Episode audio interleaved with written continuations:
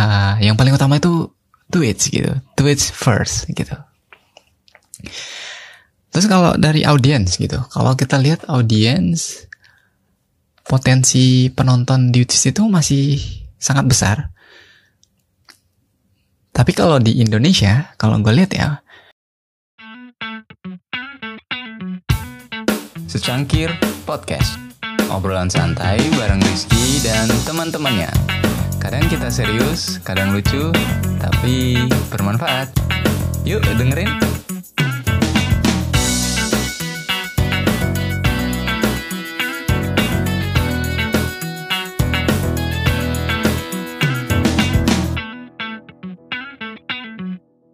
Cek, cek, cek, cek.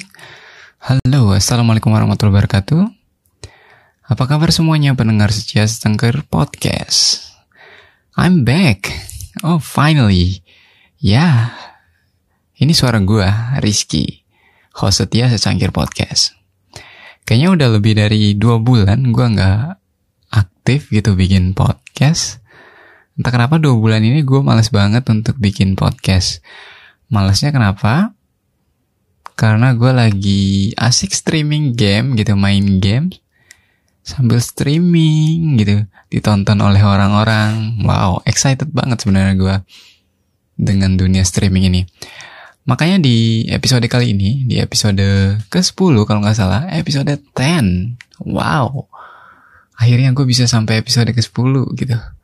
Padahal podcast di awal-awal gue nggak mikir gitu wah ini kayaknya bisa panjang gini.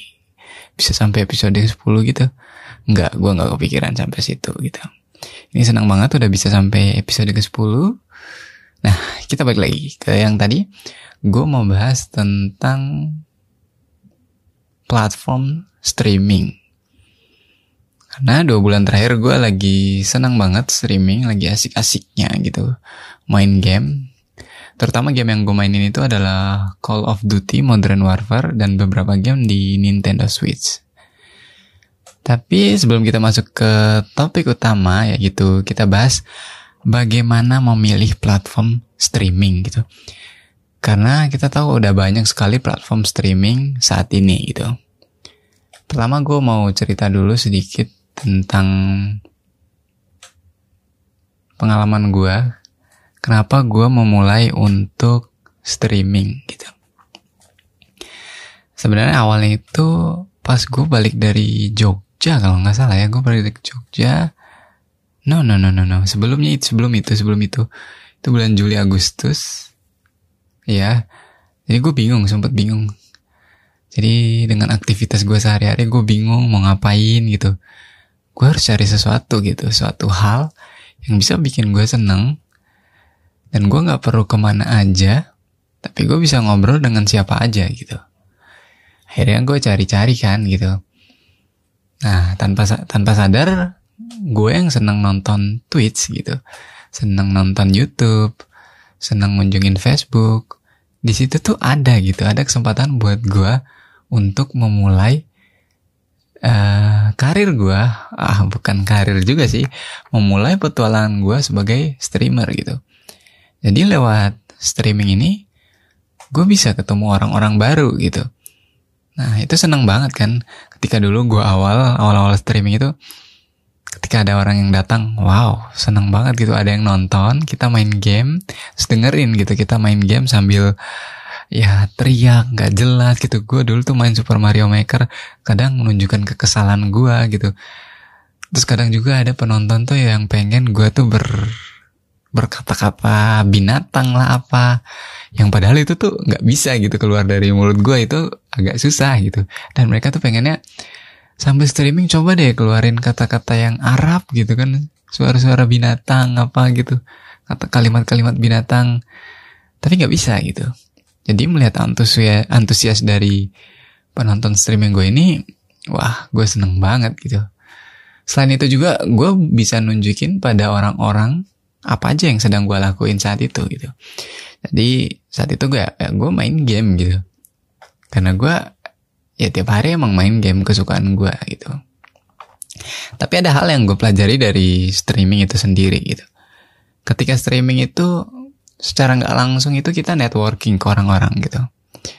Jadi kita networking, kita bisa diketahui oleh orang-orang, kita bisa kenal orang-orang, kenal penonton kita. Nah lewat situ tuh jaringan kita tuh bisa bertambah gitu. Kenal orang baru, ya itu kesenangan buat gue gitu. Karena gue seneng banget ketemu orang, ngobrol, ketemu, tukar pikiran gitu. Terus ada lagi tentang accountability gue gitu. Jadi gue belajar di situ untuk mengatur schedule gue. Jadi yang biasanya gue ngatur schedule buat kerjaan gitu. Dan sekarang gue harus ngatur schedule gue buat streaming gitu. Dan kerennya kita harus nentuin gitu kan streaming gitu. Setiap jam 8 malam misal. Atau setiap jam 1 pagi gitu. Eh, 1 pagi tuh terlalu pagi tuh. Jam 1 siang gitu. Jadi satu siang setiap setiap weekday gitu atau setiap weekend kita streaming di jam tersebut gitu. Jadi ketika kita bisa konsisten gitu untuk streaming, nah kita seneng banget jadinya gitu. Jadi gue bisa bertanggung jawab dengan apa yang gue lakuin, dengan konten yang udah gue buat, dan dengan hal apa yang udah gue mulai gitu. Dan streaming juga itu bisa jadi kritik yang baik buat gue gitu. Mungkin kalau kalian juga mulai streaming, mungkin akan sama gitu. Karena kenapa? Ketika audiens kalian nonton kalian gitu, ada hal yang salah gitu atau yang kurang dari yang kalian lakukan, pasti mereka ngomong gitu, mengkritik. Uh, mas, kayaknya kurang seru deh streamingnya, kurang teriak gitu, kurang ngomong gitu. Oh dari situ kita bisa improve tuh. Oh ternyata gue seperti ini ya gitu kalau lagi streaming gue cuman diam sambil nontonin game yang gue mainin gitu sambil menikmati game aja tanpa gue ajak ngobrol gitu penonton-penonton gue gitu nah itu jadi kritik yang bagus kan ya selain itu juga public speaking kita juga ya bisa dipelajari bisa apa bisa dikembangkan lagi gitu lewat live streaming tersebut gitu nah itu tentang live streaming kalau gue bahas tentang gaming ini hal yang tentu berbeda lagi gitu. Karena streaming is not about gaming gitu. Streaming bisa aja kalian streaming tentang topik-topik apa yang kalian sukai. Kalian bisa live streaming event gitu. Kalian bisa live streaming uh, apa nonton MotoGP gitu atau nonton acara-acara kesukaan kalian di live streaming di platform Facebook atau YouTube gitu. Atau bisa juga kan streaming hal-hal seperti live coding, atau live making something gitu dengan Internet of Things atau kalian buat hal-hal baru gitu. Dan itu bisa dilakukan lewat live streaming.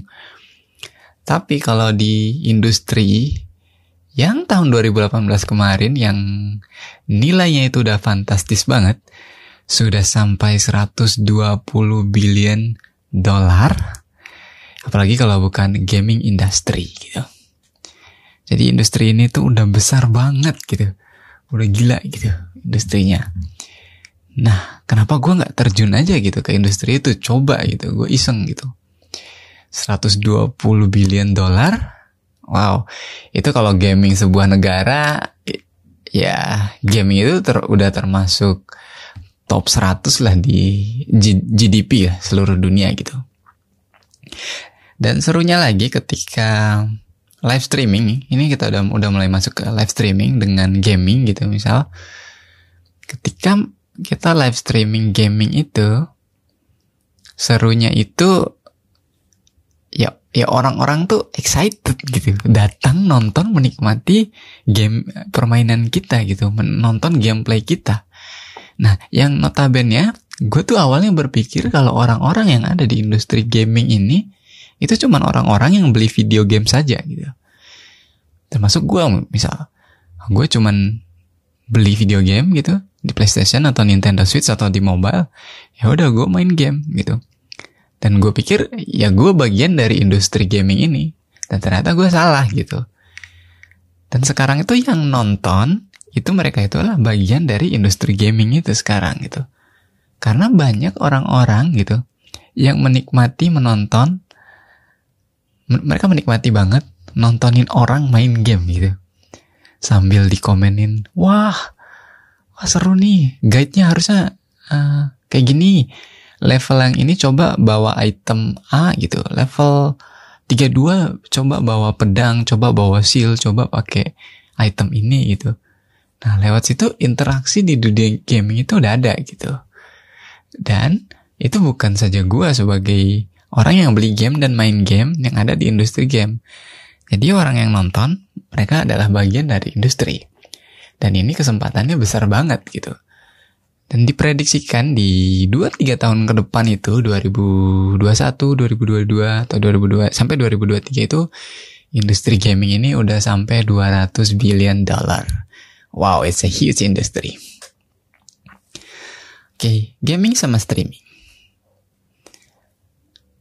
Yang akan gue bahas ini ini sebenarnya keluh kesah gue sih sebenarnya. Jadi pada awal-awal dulu tuh gue bingung gitu, milih platform buat streaming gimana gitu. Soalnya pada waktu itu platform buat streaming itu udah banyak banget gitu. Karena gue terjunnya masih lumayan lama gitu. Sementara Twitch udah dari tahun 2014. Microsoft yang akuisisi Mixer yang sebelum namanya itu Beam udah dari 2016. YouTube juga sudah punya, Facebook juga tahun 2018 sudah mulai gencar dengan streaming platformnya. Dan gue baru masuk di 2019, tapi gue nggak telat dong. Justru gue di sini punya kans yang lebih besar, gimana gue bisa grow di platform streaming yang sudah ada gitu. Tapi buat kalian yang masih kebingungan gitu, memilih platform streaming mana yang cocok buat kriteria kalian baik itu secara user experience, baik itu secara audiens yang mau ditargetkan, baik itu secara monet mon apa monetizationnya gitu. Jadi gimana? Kita coba bahas di secangkir podcast episode ke-10 ini. Oke, karena gue nggak ada cut biasanya, nggak ada edit, kita lanjut aja. Gue ngomong sendiri hari ini, gue nggak bawa bintang tamu seperti biasanya, karena episode 10 Ya bisa dibilang ini episode penutup tahun 2019. Oke, kita coba bahas yang pertama. Gue bahas, uh, sorry gue bilang dulu, gue akan bahas empat platform utama deh yang lagi booming banget sekarang ini. Yang pertama nanti kita akan bahas tentang YouTube, terus kita bahas Twitch, terus kita bahas Mixer, dan yang terakhir nanti kita akan bahas tentang Facebook gitu. Jadi empat raksasa sebenarnya di belakang semua platform streaming ini udah mulai berperang. YouTube punya Google, Twitch punya Amazon, Facebook dengan Facebook gamingnya dan Facebook streamingnya, Mixer punya Microsoft. Wow, empat raksasa teknologi masuk ke dunia streaming. Oke, kita bahas yang pertama YouTube.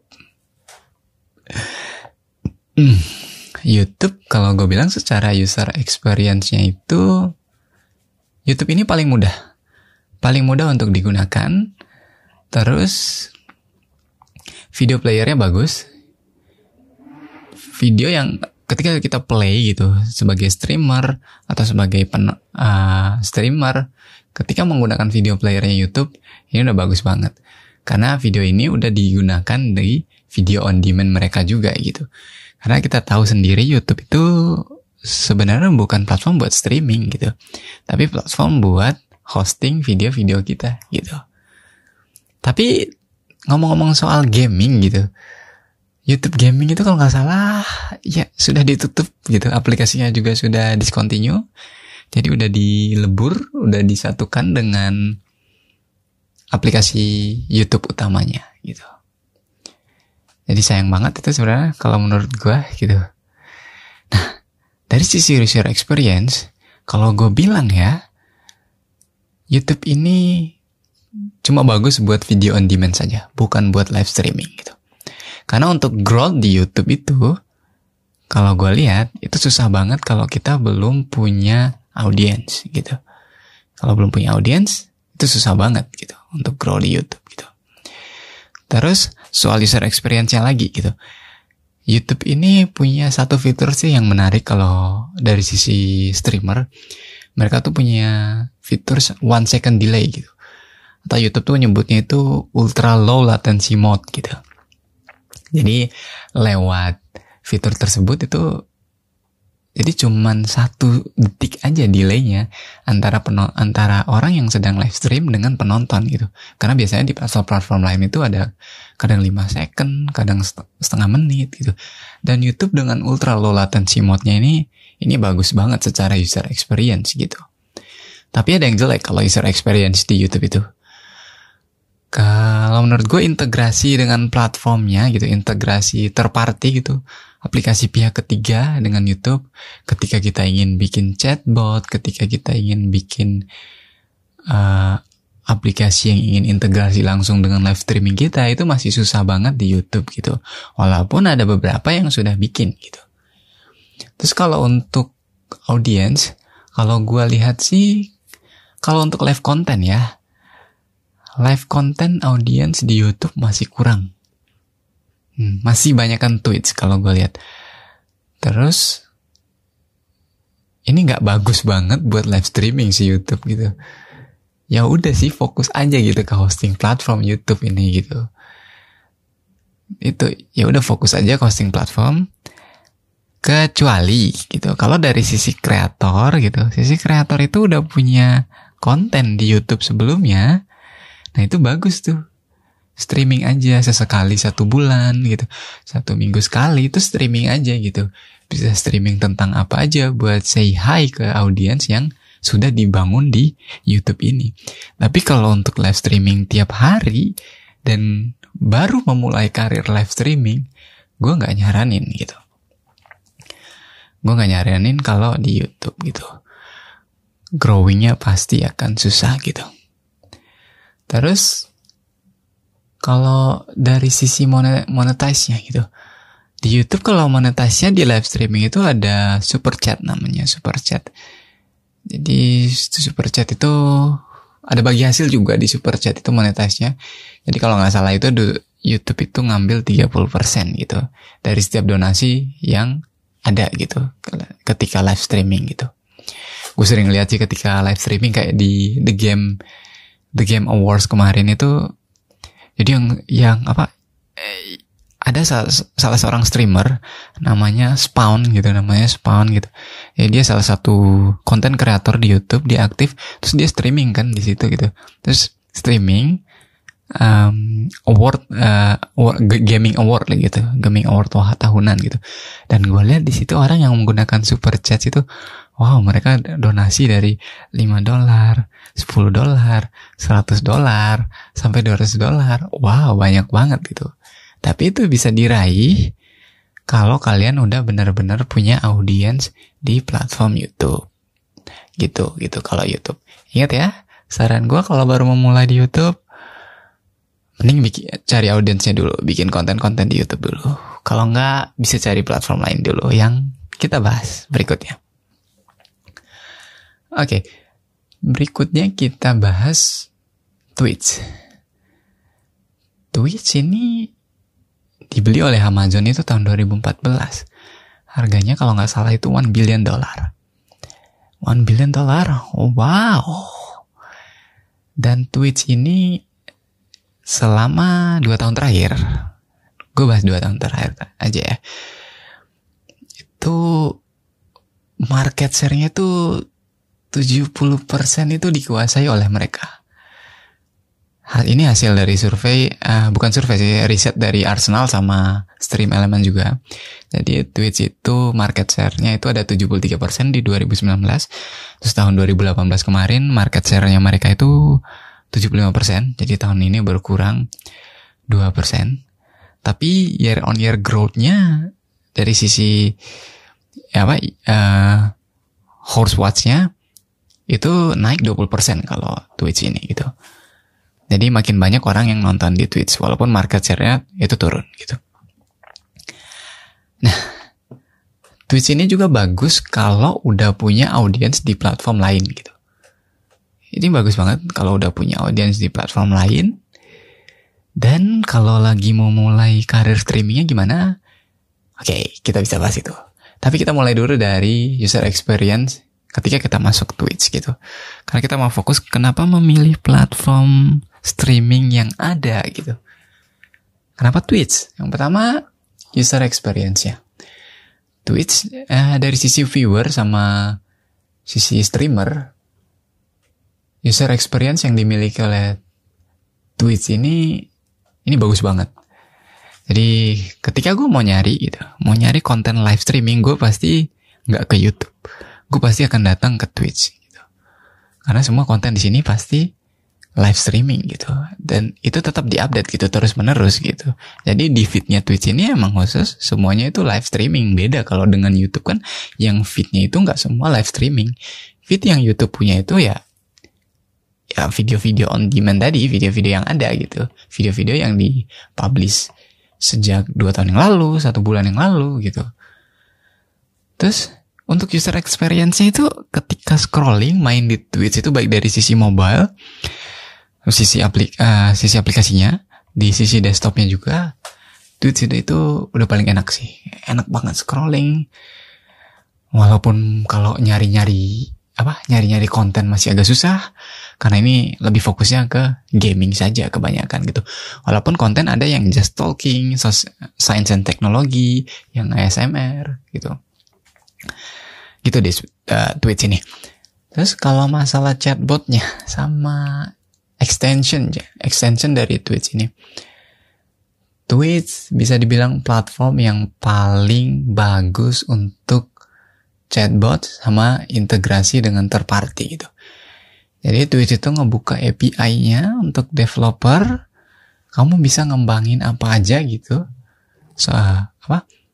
Mau bikin chatbot, mau bikin aplikasi apa yang bisa mendukung live stream kamu di Twitch, itu Twitch itu open banget gitu. Jadi makanya Twitch ini ya disukai juga oleh developer karena kemudahannya itu gitu enak banget gitu. Dan support-support terparty yang ada ketika kamu streaming dengan Twitch itu banyak sekali gitu. Bisa pakai Stream Element, bisa pakai Streamlabs. Dan kebanyakan tools-tools seperti itu tuh mayoritasnya uh, yang paling utama itu Twitch gitu. Twitch first gitu. Terus kalau dari audiens gitu, kalau kita lihat audiens potensi penonton di Twitch itu masih sangat besar. Tapi kalau di Indonesia, kalau gue lihat ya, beberapa streamer di Indonesia masih struggle kalau di Twitch, gitu.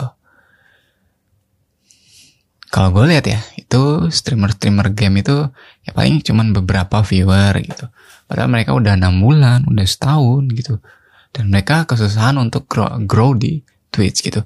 Karena kompetisi juga di Twitch ini, ini seru sekali kalau gue lihat gitu. Kompetisinya terutama dengan streamer-streamer yang udah gede gitu. Ya itu tergantung kitanya lagi gitu gimana memulai streaming di Twitch ini. Karena kompetitor-kompetitor kita itu wow, keren-keren deh di Twitch gitu. Tapi ada yang sayang kalau gue kalau gue lihat di Twitch itu search engine-nya itu kalau gue nyari konten masih agak susah banget gitu. Masih nyari uh, konten. Beda kayak YouTube kan yang udah katanya algoritmanya itu udah bagus banget gitu kan. Terus kalau di Twitch kalau gue nyari-nyari konten emang masih sedikit susah gitu. Terus kalau gue bandingin dengan platform Facebook kalau mau nyari penonton Facebook gampang loh gitu kan tapi itu kita bahas nanti deh Facebook punya iklan gitu tapi di Twitch itu jarang gitu bukan jarang emang gak ada iklan gitu cara merekomendasikan uh, streaming kita ya cuman lewat sosial media yang kita udah punya gitu. Jadi kalau emang udah punya audiens di sosial media lain, ya kita cuman bisa kita bisa drive mereka ke Twitch gitu untuk nonton streaming kita gitu. Jadi nggak ada iklan, nggak ada promosi-promosi itu masih susah di Twitch gitu. Terus kalau untuk monetize-nya di monetization-nya di Twitch itu mereka pakai Cheers sama Beats gitu. Cheers or Beats kalau nggak salah itu Terus ada juga subscription per streamer gitu. Misal streamer syndicate gitu, streamer game gaming, scam gitu. Mereka kalau mau komen, kalau mau nonton eksklusif konten-konten mereka, kalian bisa subscribe gitu. Mau dapetin emoji, bisa subscribe ada yang 4,9 dolar. Itu cara monetize-nya. Gitu. Jadi di situ cara kalian buat dapetin duit di Twitch. Terus lewat donasi yang bit tadi, jadi satu bit itu kalau nggak salah itu kehitungnya itu 0,01 dolar gitu. Dan ada perhitungan lanjutnya, gue nggak terlalu hafal di Twitch itu. Tapi makin tinggi tuh makin kalau nggak salah makin bagus sih. Makin, makin banyak beatnya. Makin tinggi juga income-nya. Ya itu pasti sih. Gitu.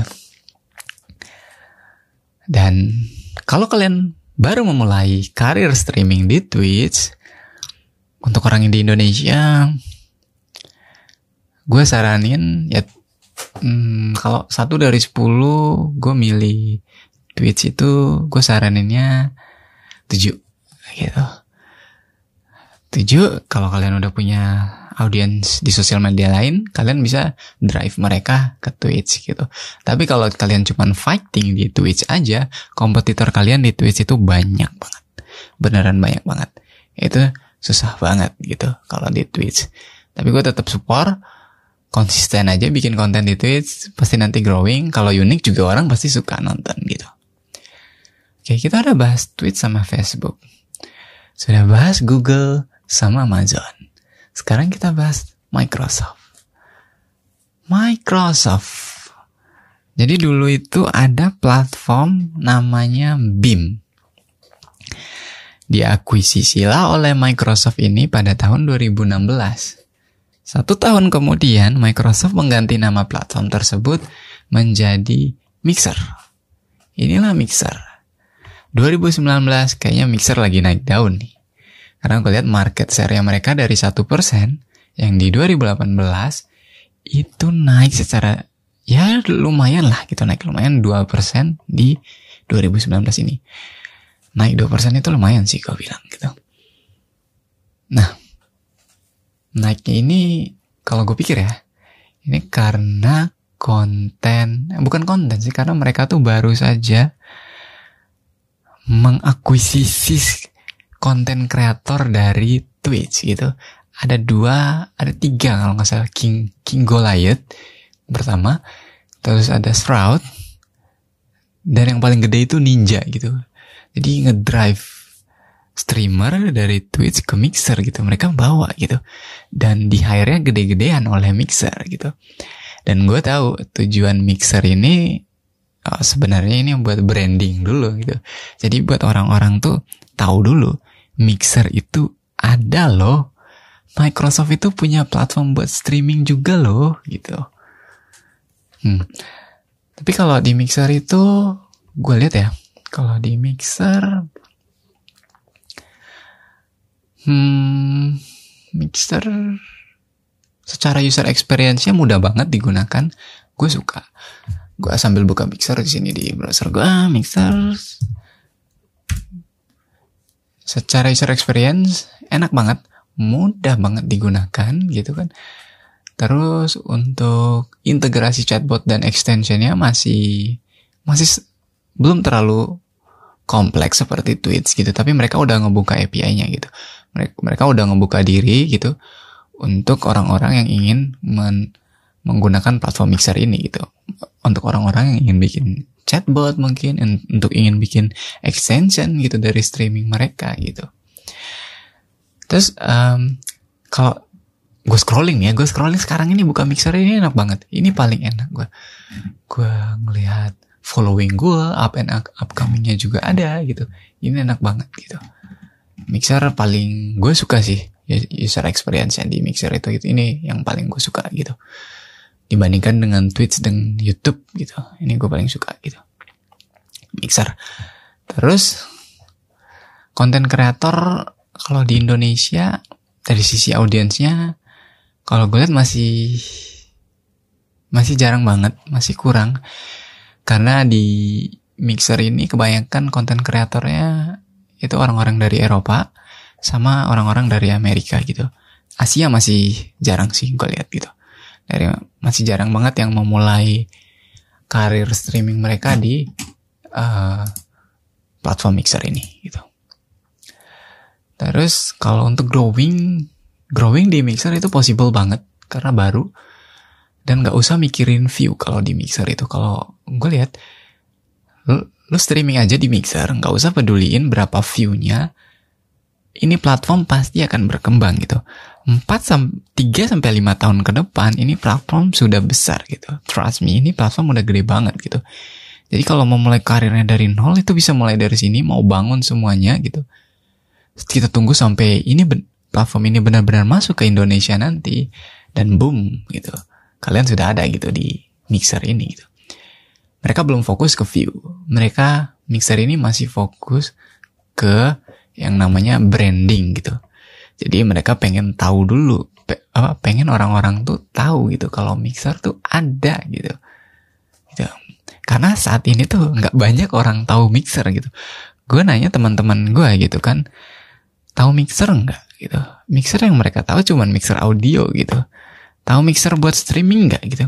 Nggak. Lu biasa nonton streaming di mana? Twitch. Kalau nggak Twitch, gue nonton di Facebook. Oke. Okay. Jadi masih jarang banget orang Indonesia kalau di mixer ini. Terus kalau untuk monetize-nya, kalau mixer itu ada subscription-nya para streamer juga sama kayak Twitch. Mereka tuh punya, kalau nggak salah tuh beragam sih ada 5,99 per month kalau nggak salah terus bisa juga dari Embers gitu Embers ini sama kayak Beats-nya Twitch sama kayak Star-nya Facebook kalau nggak salah nilai 100 Ember itu satu dolar jadi satu dolar per 100 Embers gitu Embers tuh kayak diamond gitu get Ember kayak diamond gitu kalau di mixer itu dan kebetulan sekarang saat gue buka ini ada Desember sell gitu. Wow, lagi sell mereka ternyata ini mixer ini. Dan gimana buat kalian yang mau memulai karir streamingnya di mixer gitu? Kata gue bisa aja mulai kalau kalau bisa konsisten gitu. Tapi waktu yang dibutuhkan untuk konsisten itu mungkin agak lumayan lama gitu. Atau setidaknya bikin akun dulu daftar daftar akun dulu saran gue di mixer mungkin satu atau dua tahun lagi mulai streaming di Mixer gitu. Karena untuk tahun ini gue masih belum lihat penonton gitu dari Indonesia, masih jarang lihat juga streamer dari Indonesia gitu. Tapi mungkin satu dua tahun ke depan itu orang-orang akan tahu gitu tentang platform ini gitu. Jadi bisa memulai dulu bikin konten streaming sekali seminggu dulu mungkin selama tiga jam sekali dua minggu mulai-mulai dulu untuk bikin history aja dulu di Mixer, baru nanti ketika platform ini udah benar-benar masuk ke Indonesia, ya udah kalian bisa mulai fokus full time di uh, platform Mixer ini gitu. Terus kalau untuk mau ngedrive audience nih kayak YouTube sama Twitch, kalau gue lihat masih susah gitu, masih susah, masih susah gitu. Juga ada uh, kendala kadang itu akses video-video di mixer itu agak lemot gitu. Karena servernya juga ketika gue coba streaming di mixer ini paling dekat itu servernya India gitu. Opsi Singapura tuh belum ada gitu.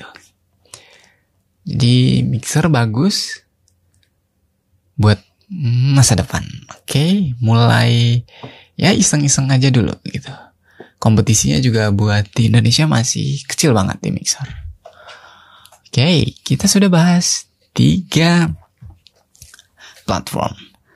Sekarang kita masuk ke platform terakhir. Platform yang lagi aktif gue gunakan saat ini buat streaming. Terutama streaming game, main game. Gue kadang main game itu sampai 3 jam sehari, sampai 4 jam sehari. Dan gue streaming di sini sekarang. Platformnya kalau Apalagi kalau bukan Facebook gitu. Oke, okay, Facebook. Facebook ini memulai live streaming itu kalau nggak salah tuh tahun 2017 ke 2018. Jadi awal-awal 2018 itu mereka udah mulai gencar banget gitu. Uh, dan itu udah mulai masuk Indonesia juga gitu. Tapi pada 2018 kemarin itu masih not enough kreator lah gitu. Masih kurang gitu. Jadi kalau kalian dengar kata-kata orang, dengar artikel-artikel mungkin Facebook is not good for streamer gitu. Itu berubah drastis tahun ini gitu. Tahun 2019 itu banyak orang yang pengen mulai streamingnya di Facebook gitu. Banyak banget. Dan lucunya ketika streaming di Facebook soal game itu beda banget yang populer dibandingkan dengan Twitch, Mixer, dan YouTube gitu. Jadi kebanyakan game-game yang populer di Twitch itu nggak populer di Facebook gitu. Jadi yang populer di Facebook itu kebanyakan itu game-game mobile gitu.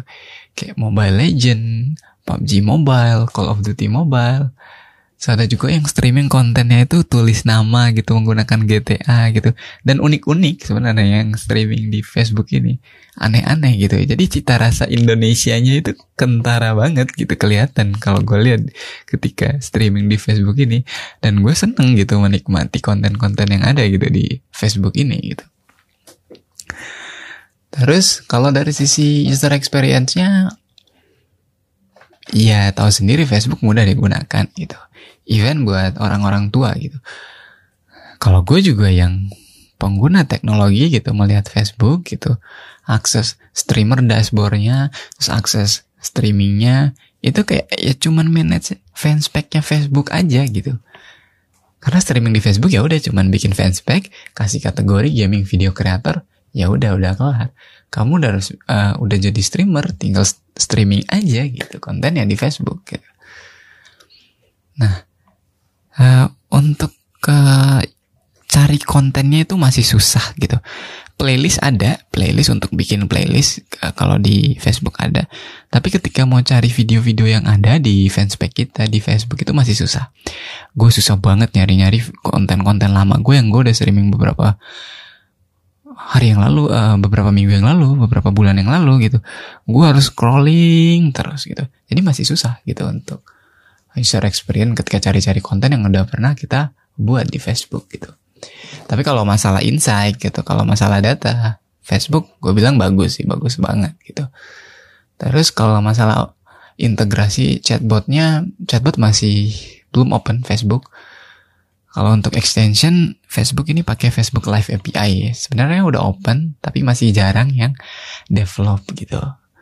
Ya masih menggunakan ah, fitur-fitur basic di Facebook gaming gitu. Kalau untuk streamer game gitu. Nah, kalau dari sisi audiens ya di Facebook, kalau potensi buat dapetin audiens banyak di Facebook itu gede banget. Gitu. Kenapa gede banget? Ada dua cara. Kalau yang gue lihat di Facebook, ada dua cara. Yang pertama caranya itu menggunakan teman-teman kita dan grup yang sudah ada gitu. Jadi kita share aja ke profil kita gitu. Jadi teman-teman kita yang biasa kita punya teman Facebook 2000, 5000. Lalu teman-teman kita itu akan nonton gitu. Melihat itu di timelinenya mereka gitu. Nah, untuk dapetin penontonnya kan gampang gitu kan. Jadi kadang masuk ngobrol teman eh teman masuk ngobrol gitu kan. Halo, lagi streaming nih gitu. Wah, keren Abang gitu. Terus bisa share ke grup-grup yang udah pernah kalian ikuti gitu kan udah pernah masuk ke grup jual beli handphone gitu. Itu banyak banget itu. Jual beli handphone jual beli pulsa jual beli kamera jual beli apa. Ya udah share aja di situ satu kali seminggu bisa gitu. Jadi itu bisa ngedrive audiensnya. Dan lucunya tuh udah banyak sekali sekarang tuh bertebaran video-video uh, Facebook gaming creator group. Uh, grup untuk sharing video uh, streaming. Grup untuk follow for follow gitu kan. Banyak banget itu di Facebook itu. Kocak sih gitu. Tapi ya ya itu uniknya gitu. Kalau di Indonesia itu unik ketika melihat Facebook orang-orang Indonesia kan aktif banget gitu kan. Cara mereka ngedrive platform tersebut itu lucu jadinya gitu kan. Gue seneng gitu ngelihat hal-hal kayak gitu. Oh ini Indonesia banget gitu. Culture-nya culture Indonesia gitu. Terus kalau uh, delaynya kalau di Facebook parah sih gue bilang. Gue kadang itu streaming itu delaynya kadang setengah menit kadang 15 detik. Tapi paling cepat tuh kalau nggak salah tuh 5 detik sih paling cepat gue pengalaman gue internet gue yang ya lumayan lah. Mbps-nya lumayan lah gitu kan. Nggak perlu disebutkan juga gitu kan. Lumayan buat streaming buat upload sambil nonton beberapa YouTube gitu kan ya lumayan gitu. Terus uh, tadi udah gue bahas growingnya. Terus monetize-nya gimana kalau Facebook? Facebook monetize-nya mereka ada supporter gitu. Supporter ini sama kayak subscription-nya Mixer sama kayak subscription-nya Twitch gitu. Jadi supporter ini jadi bagusnya itu ketika orang daftar jadi supporter itu langsung lebih kita bisa bikinin grup gitu. Jadi bisa posting-posting khusus gitu di Facebook yang supporter kita aja yang bisa dapetin ya gitu. Harganya beragam sih kalau gue lihat untuk streamer-streamer di Indonesia tuh ada yang 29 ribu ada yang 49 ribu ada yang 60 ribu gitu. Itu beragam gitu. Hmm, sebentar sebelum gue lanjut gue minum dulu bentar. Gue ngomong 39 menit. Wow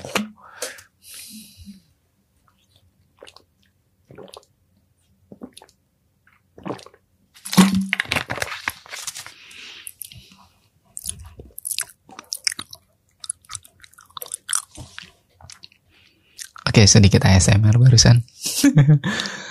Oke, lanjut ke monetasnya. Terus Facebook juga itu punya yang namanya Facebook Star. Facebook Star itu value-nya itu 100 star. Itu kalau nggak salah 100 star itu 1 dolar. Itu nilainya sama kayak Embers punyanya Mixer gitu. Dan uniknya lagi, Star ini bisa didapatkan gratis kalau di Facebook. Jadi ketika penonton gitu jadi top fans itu sering banget nonton video kita gitu streaming kita di Facebook. Mereka itu kadang dikasih oleh Facebook itu dikasih star gitu, star free untuk diberikan ke konten kreatornya gitu.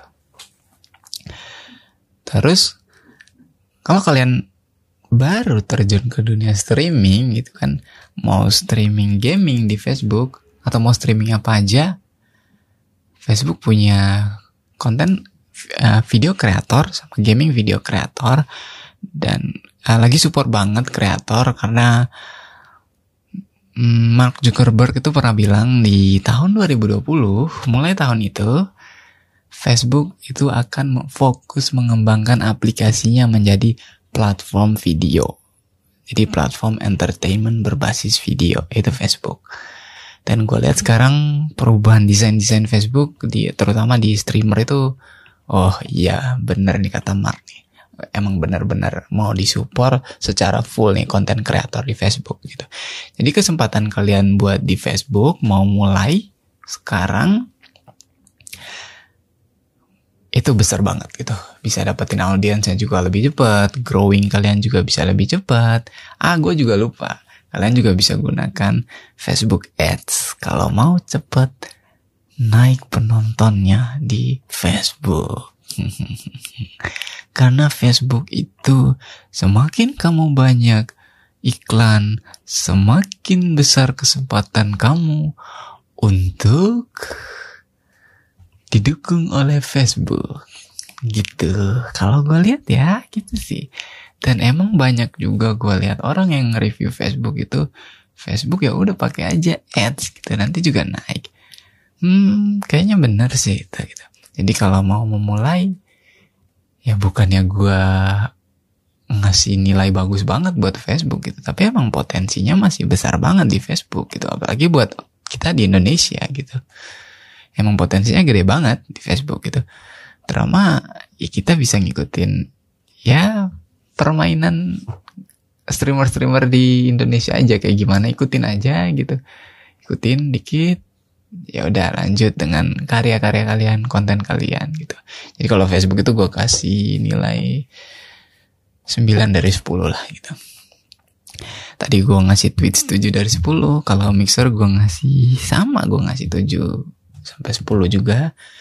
Kalau YouTube gue ngasihnya 6 ke 10 lah gitu 6 dari 10 gitu kalau untuk uh, YouTube. Oke. Okay. Jadi itu nilainya. Kalau bisa saranin konten apa pun bisa mulai di Facebook gitu. Bisa di Mixer juga, bisa di Twitch dan bisa YouTube gitu. Sebenarnya ada platform-platform streaming lain gitu kayak Twitter punya Periscope gitu untuk vertical video gitu di Periscope. Tapi kalau gue lihat untuk live streaming jadi streamer Twitter belum bagus sih, belum. Terus kalau kalian pakai LinkedIn Live yang saat ini masih uji coba, mereka baru apa? Invitation only aja. Jadi kalian harus submit gitu, submit request apa uh, proposal ke mereka gitu, di approve apa enggaknya tergantung mereka gitu. Kayak mereka lagi nyari orang-orang yang networknya banyak, yang benar-benar aktif di LinkedIn gitu untuk ikut serta di LinkedIn Live gitu. Tapi gue nggak saranin di LinkedIn Live itu kalian streaming gameplay kalian. gue lebih saranin kalau kalian di dunia gaming di gaming industry ya udah live streaming aja tentang bisnis e-sport mungkin bagaimana memulai karir sebagai gamer mungkin karena orang-orang di LinkedIn itu yang orang-orang yang selalu bersyukur gitu kan selalu happy gitu selalu I'm excited to work with A I'm very honored to be a B I'm very, very, very, very, very, very excited to be in LinkedIn. Gitu kalau kalian di LinkedIn itu. Nah, jadi kalau masih bingung untuk milih platform streaming, kalian bisa ngobrol juga bareng gue, kita diskusi aja gitu di Twitter gue at atau di Instagram gue at juga gitu jadi kalian bisa tanya-tanya di situ kita diskusi aja. Gue nggak bilang gue paling jago, tapi gue ada beberapa pengalaman selama beberapa bulan terakhir coba-coba platform streaming dan gue juga udah coba riset beberapa platform tersebut. Jadi semoga konten yang gue bagikan ini bermanfaat buat kalian gitu kan. Dan kalian bisa memulai streamingnya gitu kan. Nanti ketika stream konten kalian udah mulai aktif gitu, jangan lupa kita collab ya gitu. jangan lupa kita bisa ya bareng-bareng lah bikin konten mungkin. Ya intinya semoga kalian bisa dapat audiens, bisa growing dengan bagus gitu di platform streaming. Pilihan tetap pada kalian gitu. Mau platform mana, itu tetap pada kalian gitu. Yang penting kita konsisten aja, tetap bikin kontennya, bikin kontennya yang lebih unik gitu, beda dari yang lain. Dan kayaknya itu aja thank you banget udah dengerin secangkir podcast hari ini. Dan buat yang lagi liburan, selamat berlibur. Sampai jumpa kalian di tahun 2020. Sampai jumpa di episode-episode secangkir podcast berikutnya. Gue Rizky, see you. Terima kasih sudah mendengarkan secangkir podcast. Jangan lupa favorit kita di anchor.fm dan berikan review di Apple Podcast. Dan follow kita di Spotify juga. Sampai jumpa di episode berikutnya. Bye.